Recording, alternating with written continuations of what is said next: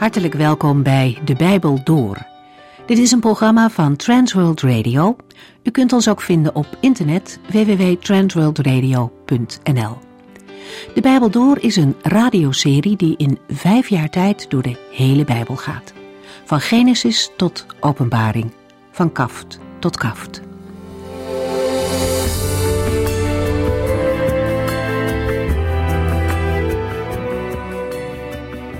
Vandaag luisteren we naar een gedeelte uit 1 Thessalonicense hoofdstuk 1. Deze jonge gemeente daar heeft een brief van de apostel Paulus gekregen, waarin hij hen bemoedigt om dicht bij de Heerde te blijven en uit te blijven kijken naar zijn komst. Dat geeft nieuwe moed, te midden van de moeilijkheden waarin zij leven. De vorige keer bespraken we de eerste drie versen van dit eerste hoofdstuk. In de aanhef noemt Paulus ook Timotheus en Silvanus. Deze beide mannen waren ook betrokken bij de stichting van de gemeente in Thessalonica. Ondanks zijn speciale roeping en grote taak weet Paulus zich verbonden met de andere werkers. De apostel stelt zichzelf niet op een voetstuk, maar hij trekt samen met de gelovigen op in het besef dat wij allen één en dezelfde meester hebben. De groet van Paulus is tweeledig. Naast de gebruikelijke Joodse groet, vrede, wenst hij de lezers ook genade. We kunnen elkaar veel goeds toewensen, maar wat is het mooi om elkaar ook Gods genade en vrede toe te wensen en toe te bidden. Genade wil zeggen dat je iets niet verdient en het toch krijgt. Het is een kenmerk van de Heere dat Hij genadig is. Genadig naar zondaars toe, maar Hij geeft ons ook genade voor het leven van elke dag. Paulus begint zijn brief vervolgens met dankzegging. Hij doet dat vaker. Al was er soms best veel mis in een gemeente, zoals in Korinthe bijvoorbeeld, toch vindt Paulus redenen om voor de gelovigen te danken. Daarmee geeft hij ons ook een goed voorbeeld. We mogen voor elkaar bidden en danken. Ook voor diegenen die ons misschien wat minder goed liggen. Voor Paulus was het niet zomaar iets wat hij uit beleefdheid deed. Vanuit een oprechte betrokkenheid en bewogenheid met veel gelovigen en gemeenten bad hij ook voortdurend voor hen. We lezen vandaag verder in 1 Thessalonicense 1 vanaf vers 4.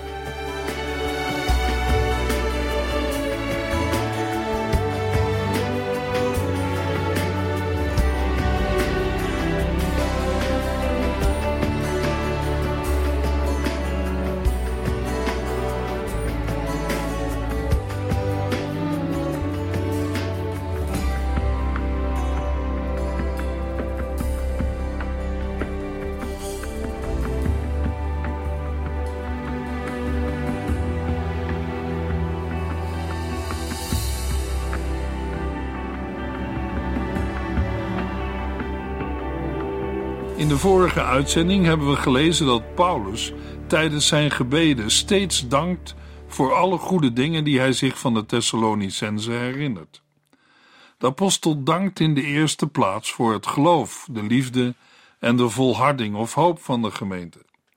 Paulus is blij dat het geloof van de Thessalonicense leidt tot echte gehoorzaamheid aan de Here de liefde tot hulp aan mensen die op hun weg worden geplaatst en de hoop tot een volhardend verwachten van de wederkomst van onze Heer Jezus Christus.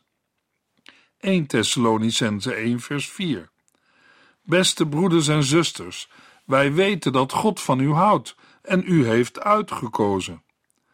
In vers 4 spreekt Paulus de gelovigen uit Thessalonica aan met broeders en zusters. Dat doet de apostel omdat zij samen deel hebben aan de liefde van God. De verwantschap van gelovigen in Christus rust in de Here, de levende God. Dat zij door de Here zijn uitgekozen, wijst hier niet op een uitgekozen worden tot een bepaalde taak, maar tot verlossing op grond van Gods eeuwige liefderaad. Paulus schrijft aan de gelovigen in Kolosse God heeft u uitgekozen en houdt van u.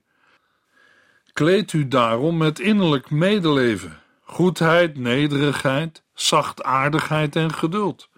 Verdraag en vergeef elkaar als iemand iets tegen u heeft. Volg hierin het voorbeeld van Christus, die u zonder meer vergeven heeft. Waar het op aankomt is dat u zich laat leiden door de liefde, want dan zal de gemeente in volmaakte harmonie bijeen blijven. Al de prachtige kenmerken die genoemd worden, als innerlijk medeleven, goedheid, nederigheid, zachtaardigheid en geduld, zijn er niet omdat de gelovigen het allemaal zo goed doen, maar omdat de Heere hen heeft uitgekozen en zijn Heilige Geest door hen heen deze dingen bewerkt. In de uitzendingen over de brief aan de Efeziërs hebben we gelezen in Efeziërs 1 vers 14 Al voordat hij de wereld maakte, heeft God ons uitgekozen, wij die één met Christus zijn. Wij zouden alleen van Hem zijn en volmaakt voor Hem staan. Voor een diepere uitwerking van Gods verkiezing verwijs ik u en jou naar de Bijbelstudies over de brief aan de Efeziërs. U kunt ze via onze website van internet downloaden, inclusief de tekst van de uitzending met alle verwijzingen. Het is ook mogelijk de uitzendingen over de brief aan de Efeziërs bij Transworld Radio op een USB-stick te bestellen. Een telefoontje naar Barneveld is genoeg. Veel gelovigen worstelen met de uitverkiezing. Heeft de Heere mij uitverkoren? Hoor ik er wel bij? Hoe komt de mens erachter dat de Heere hem of haar heeft uitgekozen? De brief aan de Efeziërs maakt duidelijk dat Gods verkiezing er is in Christus. De verkiezing in Christus komt in het leven van een gelovige tot uitdrukking in een anders zijn, een onderscheiden zijn van de wereld. In eerdere uitzendingen heb ik de volgende vraag ook al gesteld, mogelijk een vreemde vraag, als u worstelt met de uitverkiezing. Maar, luisteraar, kunt u zingen van Gods verkiezing? Het kan een vreemde vraag zijn, omdat er gelovigen zijn die helemaal niet gaan zingen bij het woord uitverkiezing of verkiezing. Sommigen denken bij het woord verkiezing aan een nest met jonge katjes. Er worden er maar een paar uitgekozen. Menselijk gesproken hebben die paar katjes geluk gehad. Zij mogen leven, maar de anderen hebben pech. Zij moeten verdwijnen. Inderdaad, als dat de verkiezing is, dan kan een mens er niet van zingen. Stel u voor dat u een van die niet gekozen jonge katjes bent. Je moet er niet aan denken. Toch zijn in het Nieuwe Testament de uitspraken over de verkiezing vaak omgeven met lofzangen. Met andere woorden, als de Bijbel over de verkiezing spreekt, dan kan er worden gezongen. Waarom? Omdat al voordat de Heere de wereld maakte, de Heere zijn kinderen heeft uitgekozen. Dat zijn allen die één met Christus zijn. Christus is Gods grootste zegen. Al het andere dat Paulus in zijn brieven nog opsomt, komt uit die zegen voort. Wat dat allemaal mag zijn, maakt de apostel onder andere duidelijk in Efeziërs 1. In vers 5 lezen we over de aanneming als zijn kinderen. In een andere vertaling lezen we het zoonschap. In vers 7 de verlossing door zijn bloed, de vergeving van onze zonden. In vers 11 wordt gezegd dat door onze eenheid met Christus wij het eigendom van de Here zijn geworden. Dat is altijd al Gods bedoeling geweest. Een mens kan zingen van de verkiezing, het mag zelfs, en, het wordt nog beter, de Heere verwacht het. Wij doen hem tekort als wij het niet doen. Paulus kan het volmondig tegen de gelovigen van Thessalonica zeggen. Wij weten dat God van u houdt en u heeft uitgekozen. Het weten van Paulus hangt af van het wij danken God voor u. Uit vers 2. En het slaat op dat God u heeft uitgekozen. De zekerheid over deze verkiezing is de diepste reden voor Paulus' vreugde en dankbaarheid. Gods verkiezing gaat namelijk aan al het andere vooraf. Het door de Heere geliefd en uitgekozen worden, verwijzen beide naar Gods genadig initiatief. Hoe de apostel weet van hun verkiezing, legt hij uit in de versen 5 tot en met 10. Met de woorden broeders en zusters geeft Paulus de verbondenheid aan van alle gelovigen als kinderen van God en broeders en zusters in Jezus Christus. 1 Thessalonicense 1 vers 5 Want toen wij u het goede nieuws brachten, was dat niet alleen met woorden. Het gebeurde ook met kracht en door de Heilige Geest. U had de absolute zekerheid dat wat wij zeiden waar was. U weet ook hoe uit ons optreden bleek dat wij u voor de Here wilden winnen. Als tekenen van hun uitverkiezing noemt Paulus zijn optreden in de stad en de reacties van de Thessalonicenzen daarop. Het goede nieuws is het gepredikte woord, de mondelinge boodschap. Ook met kracht wijst erop dat niet alleen het woord werd gepredikt, maar dat de Heere dit woord ook bevestigde door wonderen en tekenen. De genoemde kracht wordt nauw verbonden met haar bron, de Heilige Geest. Verder waren Paulus en zijn helpers gekomen met de absolute zekerheid aangaande de waarheid van de boodschap. Zij wisten zich gesterkt door Gods kracht. Door deze zekerheid hadden Paulus en Silvanus of Silas kort daarvoor in Filippi Gods lof gezongen in de gevangenis, ondanks boeien en stokslagen. De kracht van de Heilige Geest verandert mensen als ze het goede nieuws geloven. Als we anderen over Christus vertellen, zijn we afhankelijk van de Heilige Geest. De Heilige Geest kan de ogen van mensen openen en hen ervan overtuigen dat zij redding nodig hebben.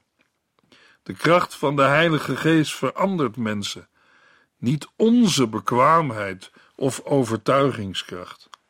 De Heilige Geest overtuigt mensen niet alleen van zonde, maar geeft hun ook de zekerheid dat het goede nieuws waarheid is.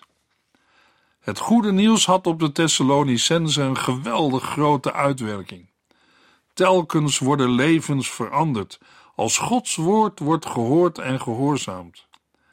Het christelijke geloof is meer dan een verzameling interessante feiten. Het is de kracht waarmee de Heere iedereen die gelooft redt. Luisteraar, denk eraan wat de kracht van de Heere in uw en jouw leven heeft gedaan, vanaf het moment dat u voor het eerst in Christus geloofde. Paulus zegt van de Thessalonicense: Want toen wij u het goede nieuws brachten, was dat niet alleen met woorden. Het gebeurde ook met kracht en door de Heilige Geest. U had de absolute zekerheid dat wat wij zeiden waar was. U weet ook hoe uit ons optreden bleek dat wij u voor de Here wilden winnen.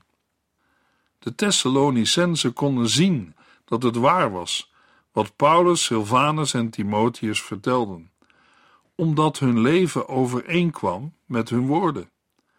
Het zet u, jou en mij stil bij de vraag of ons leven in overeenstemming is met wat wij zeggen dat we geloven. Ons leven kan er blijkbaar ook mee in tegenspraak zijn. Dat is geen getuigenis voor mensen die de Heer Jezus nog niet kennen en volgen. Paulus doet aan het slot van vers 5 dan ook een beroep op wat de gelovigen van Thessalonica zelf nog weten. Zij herinneren zich vast nog wel dat de geloofwaardigheid van het evangelie werd versterkt door het gedrag van de predikers. In Matthäus 5 vers 16 heeft hier Jezus ook op dit aspect van de verkondiging gewezen met de woorden Laat daarom ook uw licht voor alle mensen schijnen. Als zij dan de goede dingen zien die u doet, zullen zij uw hemelse Vader eren. De heiland zei niet dat de goede dingen die wij doen onszelf zouden verheerlijken. Nee, ze moeten de Vader in de hemel verheerlijken. Hij is God en naast hem is er geen ander. De Heere heeft geen raadgevers nodig. Hij leidt zijn schepping naar zijn eigen doel en de door hem bepaalde bestemming. De schepping is ook niet van ons, maar van hem. En de Heere leidt alle dingen op zijn manier. Dat doet de Heere niet als een tiran of een verschrikkelijke despoot, maar rechtvaardig en eerlijk, op grond van wat mensen hebben gezegd en gedaan. God is heilig en rechtvaardig. Alles wat hij doet is goed. Het feit dat ik de Heere niet in alle dingen kan begrijpen, verandert daar niets aan. Wij mensen zijn niet met God te vergelijken. Laat staan dat wij Hem zouden kunnen evenaren. In Psalm 8, vers 4 tot en met 7 schrijft koning David: Als ik s'nachts omhoog kijk naar de hemel en het werk van uw handen zie, de maan en de sterren, die u hun plaats gegeven hebt, wat is dan de mens dat u zoveel om hem geeft? Wat is een mensenkind dat u zich om hem bekommert? En u hebt hem een plaats vlak onder uzelf gegeven. U hebt hem gekroond met heerlijkheid en eer.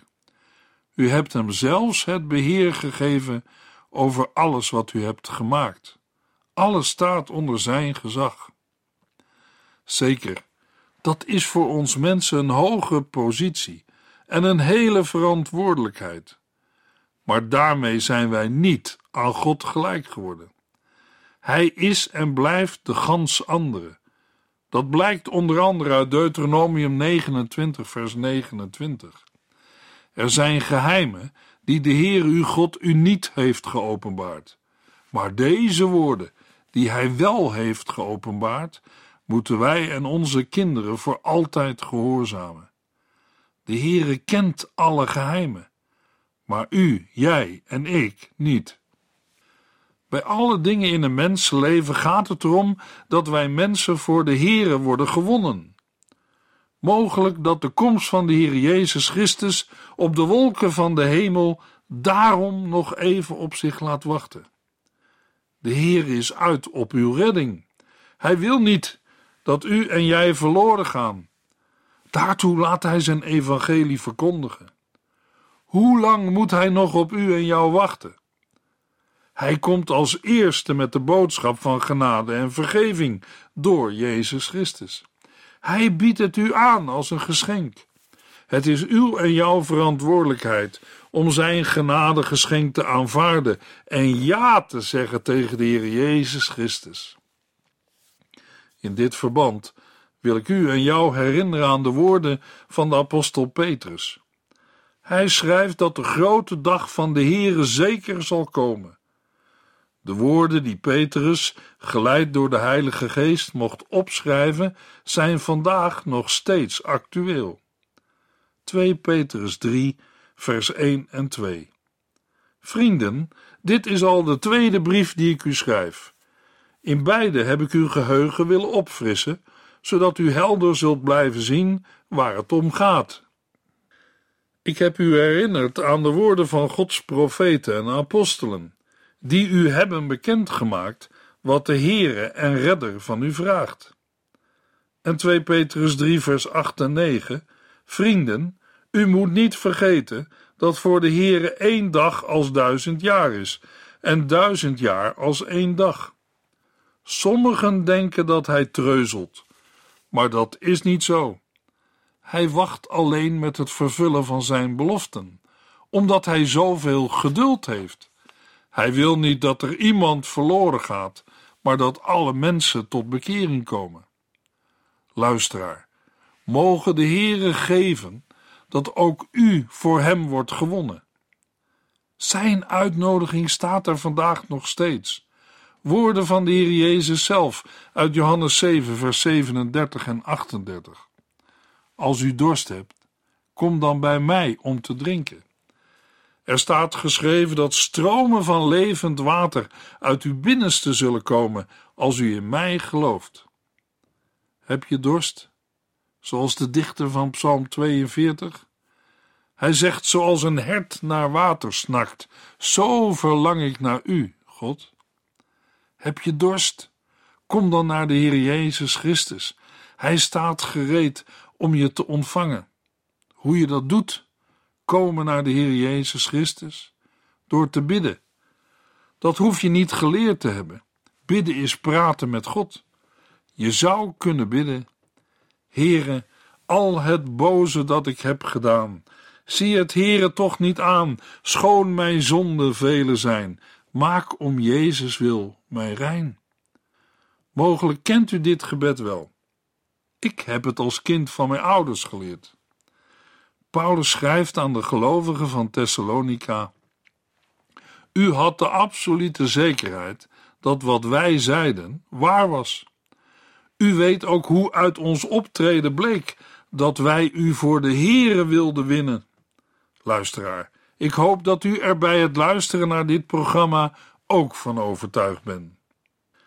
1 Thessalonicense 1 vers 6 Zo werd u volgelingen van ons en van de Here, want u hebt onze boodschap met de blijdschap van de Heilige Geest aangenomen, ondanks de grote moeilijkheden die u ondervond. De reactie van de Thessalonicenzen op het goede nieuws van het evangelie is de tweede reden waardoor Paulus weet dat God de lezers heeft uitverkoren. In dit vers is volgelingen of navolgers het centrale thema. Paulus stelt zichzelf als voorbeeld, maar hij zelf en de gemeente zijn ten diepste navolgers van de Heere zelf. De gelovigen volgen Christus na door de grote moeilijkheden, het lijden te dragen met blijdschap, zoals Jezus Christus dat zelf ook deed, en zoals ook Paulus het had ondervonden. De apostel had in Thessalonica vervolging ondergaan en de gemeente werd na zijn vertrek nog steeds vervolgd. Blijdschap is in vers 6 een vreugde die in de gelovigen woont en door de Heilige Geest wordt bewerkt. Want u hebt onze boodschap met de blijdschap van de Heilige Geest aangenomen, ondanks de grote moeilijkheden die u ondervond. De Thessalonicenzen namen de boodschap van redding met grote blijdschap aan, ondanks dat hun nieuwe geloof hen vervolgingen van Joden en niet-Joden opleverde. Bleven zij aan hun geloof vasthouden. De Heer Jezus hield in al zijn lijden vast aan de Vader in de hemel. Zijn genade stelt Paulus, maar ook de Thessalonicenzen en ons ertoe in staat navolgers van Christus te zijn. Steeds is in de brief aan de Thessalonicenzen sprake van verdrukking en vervolging. Het leven van een christen is vaak tegenstrijdig.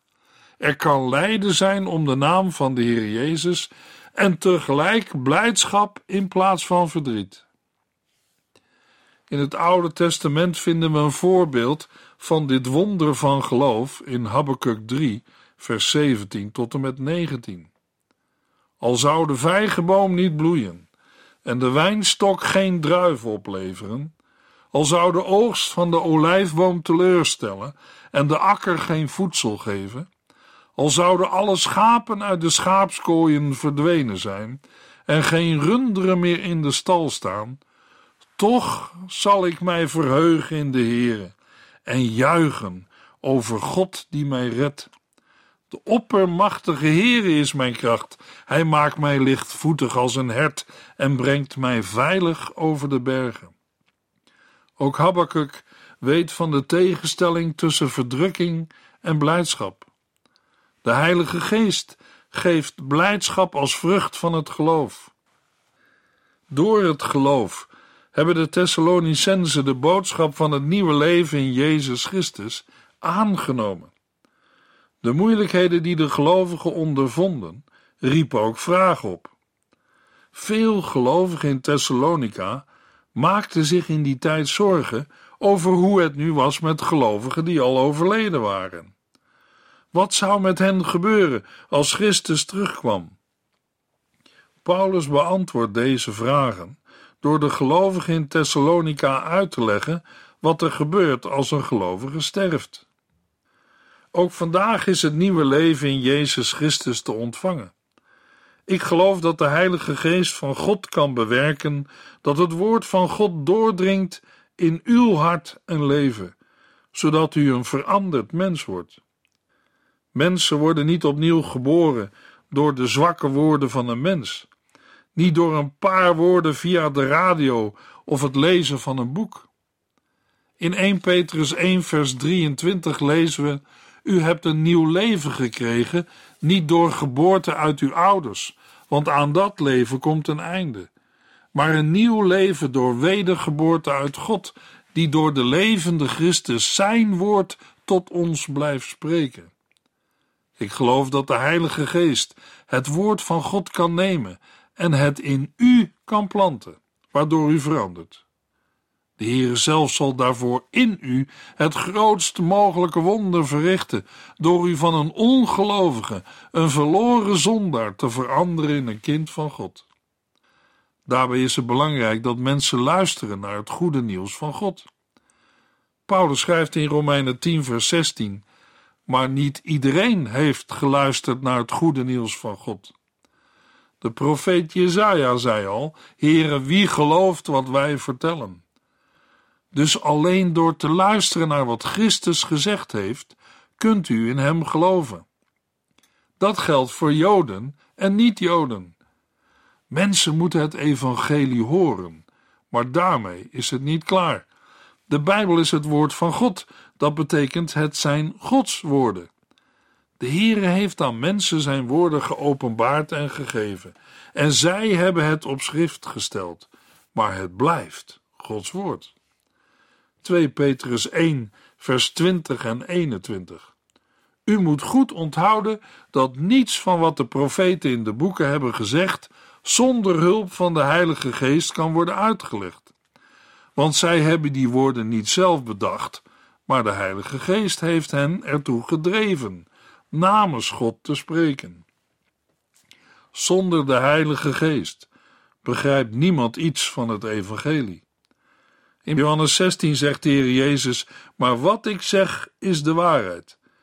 Het is beter voor jullie dat ik wegga, anders kan mijn helper niet bij jullie komen. Als ik wegga, stuur ik hem naar jullie toe, en wanneer hij komt, zal hij de mensen in de wereld overtuigen van zonde, rechtvaardigheid en oordeel. Dat is wat de Heilige Geest doet u, jou en mij overtuigen dat we Christus als Verlosser nodig hebben. Hij leidt en leert ons om met Hem onze levensweg te gaan. Zo mocht ook ik door Zijn genade het Evangelie met de blijdschap van de Heilige Geest aannemen. En u? In de volgende uitzending lezen we 1 Thessalonicense 1, vers 7 tot en met 10.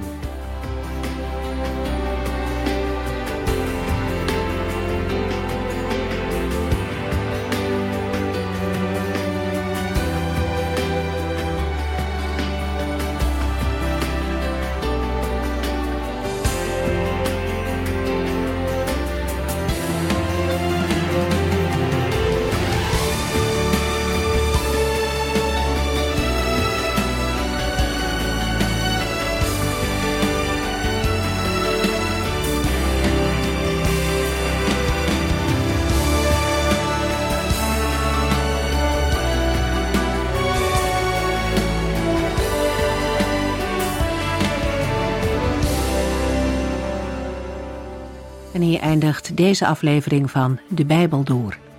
Een serie programma's van Transworld Radio. Wilt u ons iets vragen of meer weten? Dan kunt u altijd contact met ons opnemen. Bellen kan overdag met 0342 478432. Per post Transworld Radio. Postbus 371. Postcode 3770. Anton Johannes in Barneveld. En e-mailen kan ook. De Bijbel door at transworldradio.nl En natuurlijk ook via onze website transworldradio.nl Dit programma werd gepresenteerd door Cor Weda en Ike André. En namens iedereen die er nog meer aan meegewerkt heeft, graag tot de volgende keer.